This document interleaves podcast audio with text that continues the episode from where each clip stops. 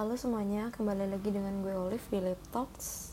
Hai guys, gue kembali. Begitu cepat bukan? Ya, gue kembali karena gue merasa uh, topik ini harus segera dibahas Karena lagi hangat-hangatnya di lingkungan gue terutama ya. Karena ini lingkungan kerja gue juga. Dan ini jam 10.42 ya, 10.42 waktu Indonesia Barat malam. Dan gue bikin materi itu jam berapa ya? Mulai jam 5 sore. Ya sama kayak kemarin ya agak kebut-kebutan. Jadi um, semoga apa yang mau gue sampaikan itu nyampe ya di kalian mengenai materi ini. Tentang keresahan gue juga nih terutama soalnya. Dan sebelumnya saya ingin berterima kasih kepada uh, Bapak Menteri Kesehatan Republik Indonesia Bapak Budi Sadikin dan kepada jajarannya di Kementerian Kesehatan Republik Indonesia. Terima kasih banyak atas apa yang sudah terjadi hari ini. Karena Bapak Ibu dokter sekalian, saya jadi punya bahan untuk buat podcast. Baik, ya udah terlihat gambarannya berarti daerah dunia kesehatan gitu ya.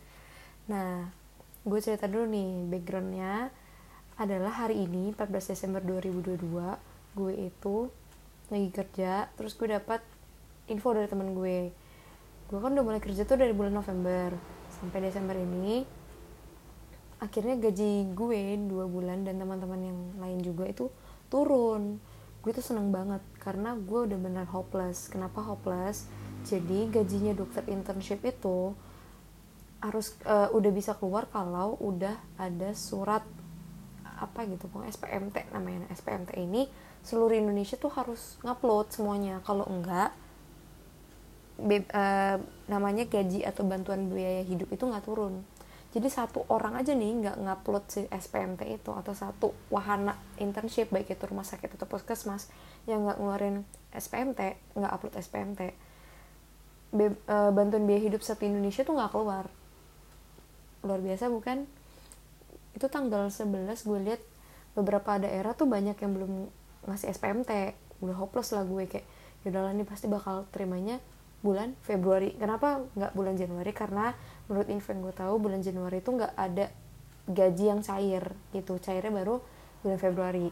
Kerasa banget sih Februari keluarnya langsung 12 juta berarti ya. Tapi kan tiga bulan tidak ada gaji bertahan hidup dengan apa? Ya udah kan udah hopeless. Tapi akhirnya hari ini puji Tuhan keluarlah gaji gue. Tapi ternyata plot twistnya tidak di situ teman-teman.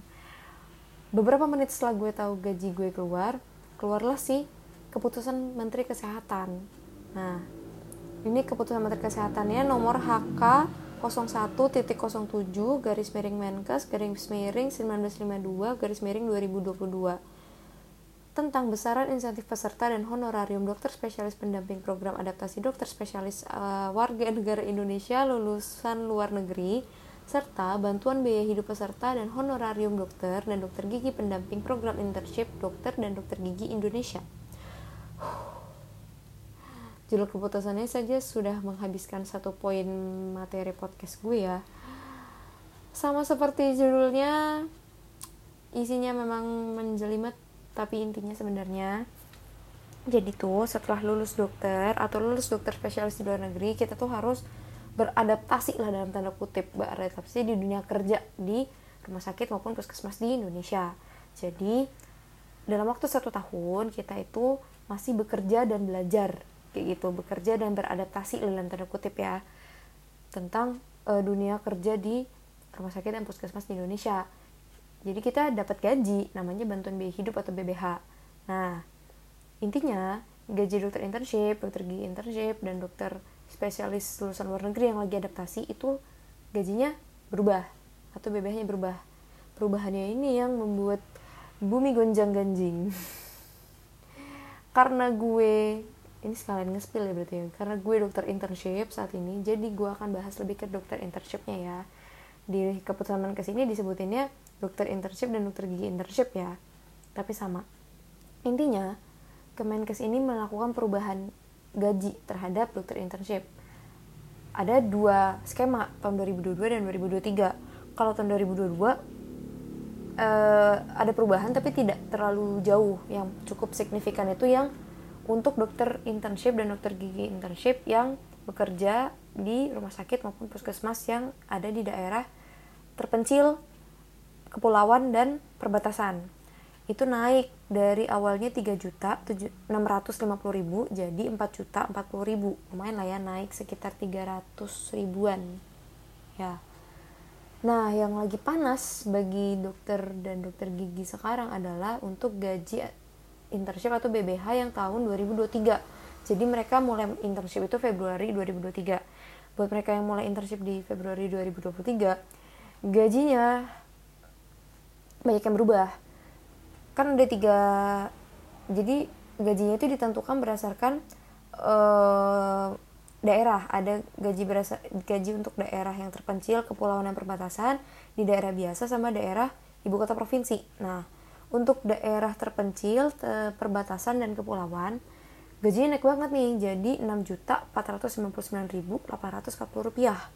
Enak kan? Kelihatannya langsung gede banget nih dari 4 juta 40 jadi 6 juta 499 ribu 840 rupiah. Buat di daerah terpencil kelihatannya eh buat di daerah biasa uh, kelihatannya gede banget ya. Tapi kan kalau di daerah terpencil biaya hidup naik. Kayak uh, teman gue di NTT kayak tempe seperempat papan tuh harganya sepuluh ribu. Nangis nggak lo ya wajar lah ya eh, BBH-nya segitu gitu. Ya masuk akal lah ya kalau dinaikin. Tapi yang jadi masalah adalah BBH untuk daerah biasa itu jadi 2 juta rupiah. Serem banget nih naik. Turunnya langsung satu jutaan. Tapi yang lebih mengagetkan adalah BBH atau gaji dokter dan dokter gigi internship yang tugasin di rumah sakit atau puskesmas area ibu kota provinsi. Selain itu masuk ke Batam, Bogor, Depok, Tangerang, Bekasi. Gajinya awalnya ini kan tadi tiga ini gue kasih tau ya awalnya itu 3 juta 160 ribu nggak salah 166 ribu 3 juta 166 ribu di tahun 2023 gaji mereka menjadi 1.180.400 rupiah. Gue ulang ya, dari 3.166.000 menjadi 1.180.400 rupiah. Gila gak? Itu turun berapa ya? Turun hampir 2 juta gila. Awalnya tuh gue saking gak percaya gue kira gue salah baca kan. Gue scroll lagi terus gue balikin lagi bener dong satu juta seratus delapan puluh ribu empat ratus rupiah gue kira tipe gitu kan. Kayak ah ini mungkin masih uh, wacana kali ya.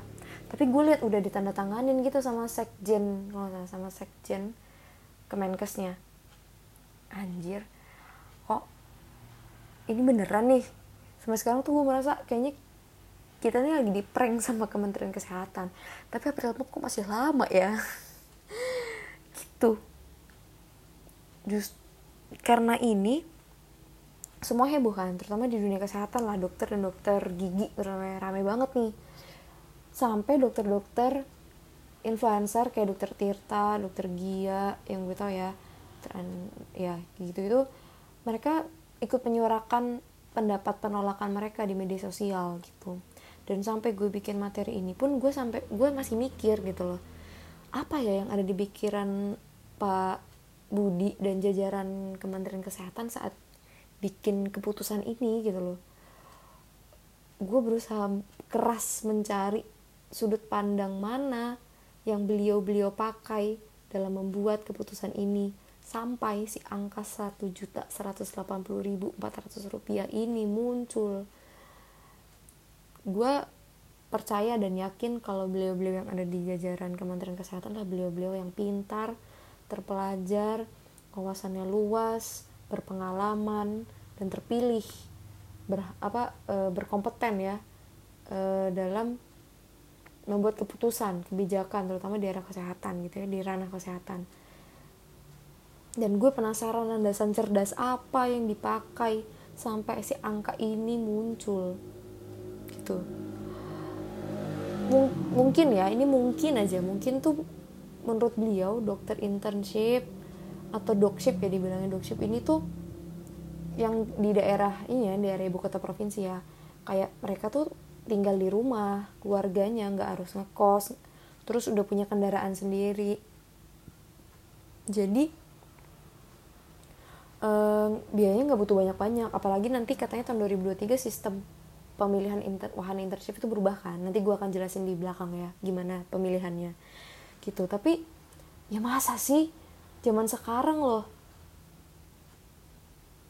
Gue mencoba membreakdown kembali. Seperti episode sebelumnya gue mencoba membreakdown. Gimana kalau seorang dokter internship di daerah ibu kota provinsi termasuk Batam, Bogor, Bekasi, Depok, Tangerang ya tadi. Ha-ha. mereka ini bertahan hidup dengan 1.180.400 rupiah. Gue membuat estimasi se dalam tanda kutip ya semanusiawi mungkin. Misal nih mereka tinggal di rumah di Jakarta rumah orang tua ya makan di rumah udah punya baju jaga yang cukup gak usah beli lagi. Gue hanya memikirkan transport makanan dan kebutuhan-kebutuhan di luar kebutuhan yang bisa disuplai sama keluarganya. Oke okay. pertama buat transport.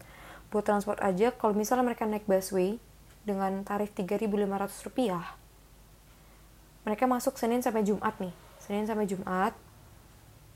Dengan 3.500 rupiah kan oh ya gue kasih tau dulu nih.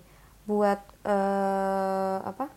Dokter internship itu tuh kerjanya 40 jam per minggu atau 8 jam per hari. Jadi bisa memilih salah satu entah 8 jam per hari atau 40 jam per minggu maksimal 48 jam per minggu gitu. Jadi hitunglah mereka masuk hari kerja ya Senin sampai Jumat. Terus uh, mulai kerjanya berarti jam 8 pagi sampai jam 4 sore ya kira-kira gitulah ya. Terus mereka naik busway nih udah kan? Nah terus gue hitung nih 3500 bolak balik berarti 7000 7000 dikali 5 35000 dikali 4 karena sebulan ya 35000 dikali 4 berarti 140000 nah semoga aja nih halte busway-nya si Doxip ini dekat dengan RS atau puskesmas tempat dia bekerja. Jadi dia nggak perlu naik gojek atau naik kendaraan umum lain untuk menyambung ke tempat kerjanya. Tapi kalau iya pun gue mengestimasikan dia naik gojek atau ojek online ya ojek online. Kalau bulak balik 20 ribu lah ya kira-kira. Itu estimasi paling murah sih di Jakarta. Berarti dia butuh 20 ribu dikali 7 dikali 4 eh berarti 20 ribu. Eh enggak dong 20 ribu dikali 5 100 ribu dikali 4 400 ribu. Gitu ya jadi 140 ribu udah sama 400 ribu dia berarti kira-kira butuh 640 ribu. Eh 540 ribu ya 540 ribu. Kalau misalnya di harapannya dia membawa si dropship ini membawa makan dari rumah jadi dia nggak harus beli di luar. Tapi kalau misalnya dia tidak bisa pun dia akan beli makan di luar yang paling murah sekali. Nih misalnya buat makan siang aja nih. Anggapannya sarapannya di rumah makan malamnya di rumah. Dia cuma butuh 10 ribu nih sehari untuk jajan. Sedih banget sih. sepuluh ribu sehari berarti dia setidaknya buat makan sebulan 10 kali 5 kali 4 200 ribu. 200 ribu ya itu aja berarti udah habis berapa tuh? 700 eh, berapa tuh? 140 540 740 ribu bener ya? 740 ribu. Iya bener 740 ribu. Nah berarti gaji si dogship ini ntar ya gue coba hitung kan tadi estimasi gue ternyata salah. Yang gue masukin tadi itu dia eh, enam hari kerja. Gue baru inget dia hari lima hari kerja. Jadi harusnya dari satu juta seratus gue sampai inget angkanya loh. Satu juta seratus delapan puluh ribu empat ratus rupiah dikurang tujuh ratus empat puluh ribu. 440.400 rupiah. Oke? Okay? nah terus nih kalau misalnya estimasi dia butuh kuota handphone lah ya internet minimal 50.000 sebulan terus si dropship ini juga butuh APD karena masih pandemi kan. Ya syukurlah dia dapat APD yang lain di rumah sakit tapi untuk masker ya pasti dia butuh lah ya. Sehari-hari berarti butuh 50.000 lah kurang lebih sebulan. Berarti dia butuh 100 ribu untuk kedua itu dan sisanya uangnya tinggal 340 ribu 400 rupiah. Nah karena setelah internship ini kita harus ambil sertifikat ATLS, ACLS, atau K3 anggaplah si dropship ini menabung untuk persiapan pengambilan sertifikat itu. Ambillah dia ngambil uh, nabung 200 ribu. Jadi dia cuma tinggal sisa uangnya di uh, tabungan 140 ribu 400 rupiah. Anjir. Kalau cuman gitu doang segitu doang dia nabung semua masih syukur. Kalau misalnya dia ada kebutuhan kebutuhan kebutuhan lain masa masih minta orang tua? Gimana mau hidup mandiri anjir sumpah.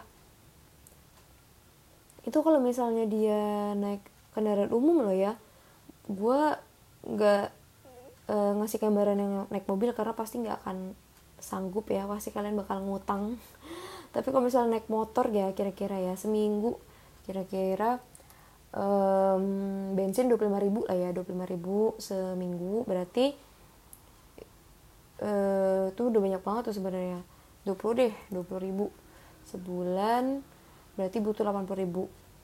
Nah buat parkir nih sebenarnya gue agak susah sih estimasinya karena parkir itu kan beda-beda ya setiap daerah ya. Gue ngambilnya minimal 600 ribu lah. Kalau hitungan jamnya 2000 flat. Setiap hari uh, 2000 terus gitu ya. Per jamnya 2000 2000 2000 atau syukur kalau misalnya dia 2000 terus nih dari jam 8 pagi sampai jam 4 sore. Cuma kalau misalnya 2000 flat terus per jam berarti dia butuh 16 ribu kan per hari berarti totalnya kira-kira butuh berapa nih? 16 ribu dikali 5 kan berarti 300 eh 80 ribu kali 4 320 ribu 320 ribu ditambah 80 ribu berarti dia butuh 400 ribu. Nah 400 ribu ini kalau misalnya kita masukin ke hitungan si gaji dogshipnya tadi yang udah dikurangin sama uh, kuota tabungan sisanya adalah 216.400 rupiah. Gue nggak tahu ya kalau misalnya parkiran lebih mahal atau mungkin uh, ada tambahan-tambahan gitu. Tapi ya sekiranya si dogship ini masih menabung 216.400 rupiah. Sungguh mengenaskan ya. Gila sih. Tapi terlepas dari berapa yang bisa ditabung berapa yang bisa dicicil berapa yang bisa diirit-irit masuk akal nggak sih gaji dokter umum nih udah lulus cuma emang masih belajar aja. Satu juta seratus delapan puluh ribu rupiah. Sedangkan upah minimum Jakarta aja empat juta sembilan ratus ribu tujuh ratus sembilan puluh delapan rupiah. Itu tiga kalinya anjir. Apalagi menurut gue ya tidak mendiskreditkan pekerjaan mana pun cuma gue merasa beban kerja seorang dokter itu beda gue nggak bilang lebih ringan atau lebih berat ya beda. Kenapa? Karena menurut gue uh, ya dari awal aja kita dari ketemu pasien harus ramah walaupun kita capek mungkin belum tidur belum makan. Terus pas kita pas pasiennya cerita kita harus dengerin sambil otak kita mikir nih dia tuh sakit apa terus dia butuh obat apa dan kita harus tetap pay attention terus kita harus paling cepat kalau misalnya pasiennya kenapa-napa. Dan kalau misalnya ada yang nggak enak atau nggak sesuai sama pasiennya pasti di uh, kebanyak nggak kebanyakan sih beberapa langsung marah-marah. Apalagi ini kan dokter internship ya di mana kita tuh notabene masih belajar masih beradaptasi. Dan dalam pembelajaran ini tuh kita tuh ada tugas loh dokter internship itu. Kita harus laporan kasus harus bikin mini project harus sering sering ke masyarakat atau masa iya masih tega dikasih gaji segitu? Tolong ya tolong. Menyedihkan. Sebelum internship aja tuh sebenarnya dramanya udah banyak. Bayar ini itu STR terus bikin SIP terus ngeprint banyak surat bikin materai. Kayaknya gue beli materai ada di kayak 250 ribu sampai materai-materai yang ada gue coba mencari dan di uh, daur ulang. Ini jahat ya. Tapi ini rahasia umum guys. Begitulah kalau misalnya kalian uh, bertahan hidup ya. Harus mencoba mencari sesuatu yang bisa didaur ulang termasuk materai. Gue tidak menyarankan tapi kalau misalnya ada pihak-pihak e, berwajib yang mau meringkus gue karena men menduplikasi materai silahkan ya. Ini malah minta ditangkap aneh. Ya karena kayak gitu bayangin butuh berapa materai parah banyak banget. Terus biayanya tuh udah banyak belum lagi pas mau pemilihan internship. Nah gue kasih tau nih ceritanya. Pokoknya teknisnya adalah pemilihan internship itu kita milih wahana berdasarkan kakak dulu nih dari lokal regional ke nasional. Pokoknya tiga kali nyoba. Satu orang tuh bisa tiga kali nyoba.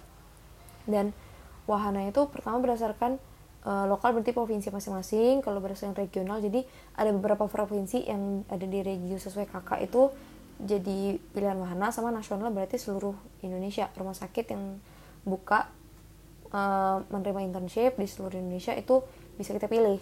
Nah tapi sistem itu rebutan. Jadi kita pakai laptop diklik dari websitenya internship Kemenkes terus kita klik paling cepet-cepetan gitu. Nah ini tuh dramanya banyak banget. Udah lah mundur-mundur karena servernya jadul websitenya crash terus sampai ada yang berdebat tentang ngeklik sendiri atau jasa klik. Uh penuh drama. Gue nggak mau ngulang itu lagi karena tidur itu nggak enak makan itu nggak enak. Wah sumpah sih itu masa-masa yang tidak menyenangkan ya. Dan katanya sih sekarang si pemilihan itu diubah sistemnya. Si websitenya juga udah tampilannya baru nih tapi semoga servernya juga ikut baru ya nggak jadul kayak yang dulu. Nah kalau dulu sistemnya rebutan via klik kalau sekarang jadi ada sistem dalam tanda kutip jadi kayak emang udah dipilihin sama sistem yang dibikin sama Kemenkes. Gue belum nemu sih algoritmanya gimana. Si sistem itu menentukan yang keluar di lu pas mau lu mau pilih tuh wahana apa. Tapi kalau dari yang gue tahu kemungkinan caranya itu berdasarkan scoring. Scoringnya itu dipilih dari apa? Dari uh, domisili sesuai KK provinsi asal FK bulan kelulusan UKMPPD nilai UKMPPD dan jenis kelamin. Jadi kelima hal ini dibikin skornya terus dari setiap orang itu skornya berapa lalu dilihat. Dia itu uh, sesuai untuk uh, wahana yang mana gitu. Nah jelas si sistem ini bakal ngaruh terutama kan tadi gue bilang ya ada jasa klik ya. Nah kalau dulu tuh sebelum ada sistem ini karena kliknya rebutan jadi ada pihak ketiga atau jasa klik yang emang dibayar sama dropship calon-calon dropship ini untuk membantu mengklikkan membantu mendapatkan wahana yang mereka mau gitu ya dengan server yang bagus internet yang cepat jadi istilahnya mereka yang klik lah gitu tapi kalau sistem udah kayak gini, pihak ketiga ini akan kehilangan mata pencaharian. FYI aja guys, ngekliknya itu jasanya mulai dari 500 ribu sampai yang setahu gue tuh 30 juta rupiah. Ya, untuk menurut gue sih ini ya, pendapat pribadi aja. Menurut gue untuk pemilihan wahana internship harus bayar 30 juta. Dengan gaji yang kemarin aja cuma 3 juta 166 ribu. Butuh 10 bulan untuk menggantikan si 30 juta ini. Nggak worth it sih. Menurut gue ya. Tapi ya balik lagi ke pilihan masing-masing sebelum sistem ini berlaku ya. Cuma kalau misalnya sistem ini udah berlaku ya otomatis jasa klik ini akan kehilangan mata pencaharian ya. Tapi ada celah baru guys. Kalau kita masuk uzon nih ini menurut gue ya disclaimer aja dulu nih. Kalau sistemnya kayak gini jelas ada celah yang dulunya kecil nih kecil banget ya celahnya jadi lebih gede. Yaitu sistem dari orang dalam. Jadi orang dalam inilah yang akan mem men-setting si sistem ini supaya yang keluar di website lo saat lo mau pilih wahana itulah wahana yang emang lo mau. Kayak gitu. Dan sebelum sistem ini pun si wahana ini eh si uh, sistem orang dalam ini tuh udah ada bukan yang nggak ada gitu loh. Yang gue denger aja nih di Jakarta kalau misalnya lo mau pakai orang dalam bayarnya 50 juta rupiah. Wow. Ini buat yang emang beneran pakai orang dalam sih menurut gue duitnya udah banyak banget ya. Jadi kalau bayar 50 juta rupiah tuh nggak berasa gitu. Ini gila sih. Dan uh, gimana ya? Gue sampai sekarang masih nggak habis pikir sih. Beneran sih. Kenapa ya Tuhan? Kok bisa ya? Walaupun bukan gue ngerasain ya cuma masa tega sih? Ya gitu deh. Pokoknya gue langsung penutup aja ya. Tambah sakit pala gue. Kayak jadi penutupnya ini pesan aja sih pesan aja kepada yang terhormat untuk Bapak Menteri Kesehatan Republik Indonesia dan jajarannya dengan tanpa mengurangi rasa hormat saya. Saya hanya memberikan pesan ya Pak ya. Dokter internship sekarang tuh usianya kurang lebih 23 sampai 25 tahun. Lagi life uh, dari lagi quarter life crisis quarter life crisis gitu di mana melihat teman-temannya yang bukan dokter sudah punya uang sendiri, punya A, keluarga, punya rumah, kendaraan sendiri. Sedangkan kami baru lulus kuliah dan masih bergantung sama orang tua. Apa masa iya pak, bu, dokter dengan gaji segini, di usia segini, dengan status kami sebagai profesi dokter, masa kami masih harus bergantung sama orang tua? Udah cukup lah ya 6-8 tahun sebelumnya. Sudah be udah belajar kuliah dengan uang kuliah yang luar biasa. Sudah cukup untuk memeras keringat dan darah serta meremukan tulang orang tua. Ya pesan saya sih bapak ibu dokter coba kalau anak-anaknya bapak ibu dokter yang posisinya di kami bapak ibu dokter tega nggak? Gitu. Jangan disamain ya pak bu dokter sama kondisi sebelumnya gitu ya. Zaman udah beda kebutuhan udah beda inflasinya luar biasa ya. Itu satu. Dari uh, untuk bapak ibu dari Kementerian Kesehatan. Lalu buat teman-teman yang mungkin dengerin podcast gua yang bukan dari dunia kesehatan ya beginilah dunia kami.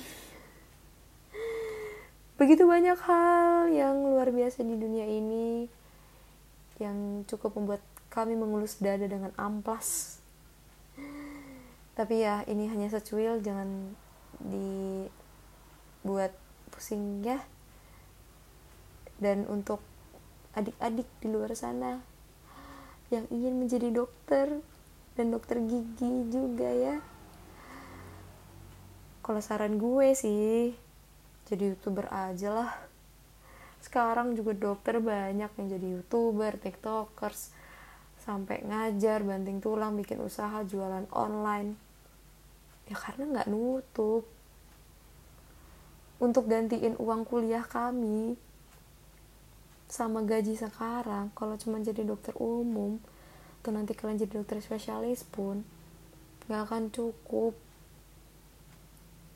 Itu udah gak usah capek-capek belajar youtuber aja udah. Kalian pasti lebih kreatif ya. Dan terakhir untuk teman-teman dokter internship dokter gigi internship di luar sana satu harapan gue semoga kita tetap bisa bertahan hidup waras. Oke? Okay? itu aja buat gue uh, teman-teman. Terima kasih udah mendengarkan podcast gue. Semoga apa yang gue sampaikan itu berkenan di hati kalian. Mohon maaf kalau misalnya ada salah kata salah ucapan. Bukan maksud buruk ya. Mungkin hanya kesalahpahaman karena ini audio aja semoga kalian sehat selalu bahagia selalu dan stay waras ya. Kayaknya gue udah gak waras deh sakit kepala gue oke okay. selamat istirahat semuanya. Bye bye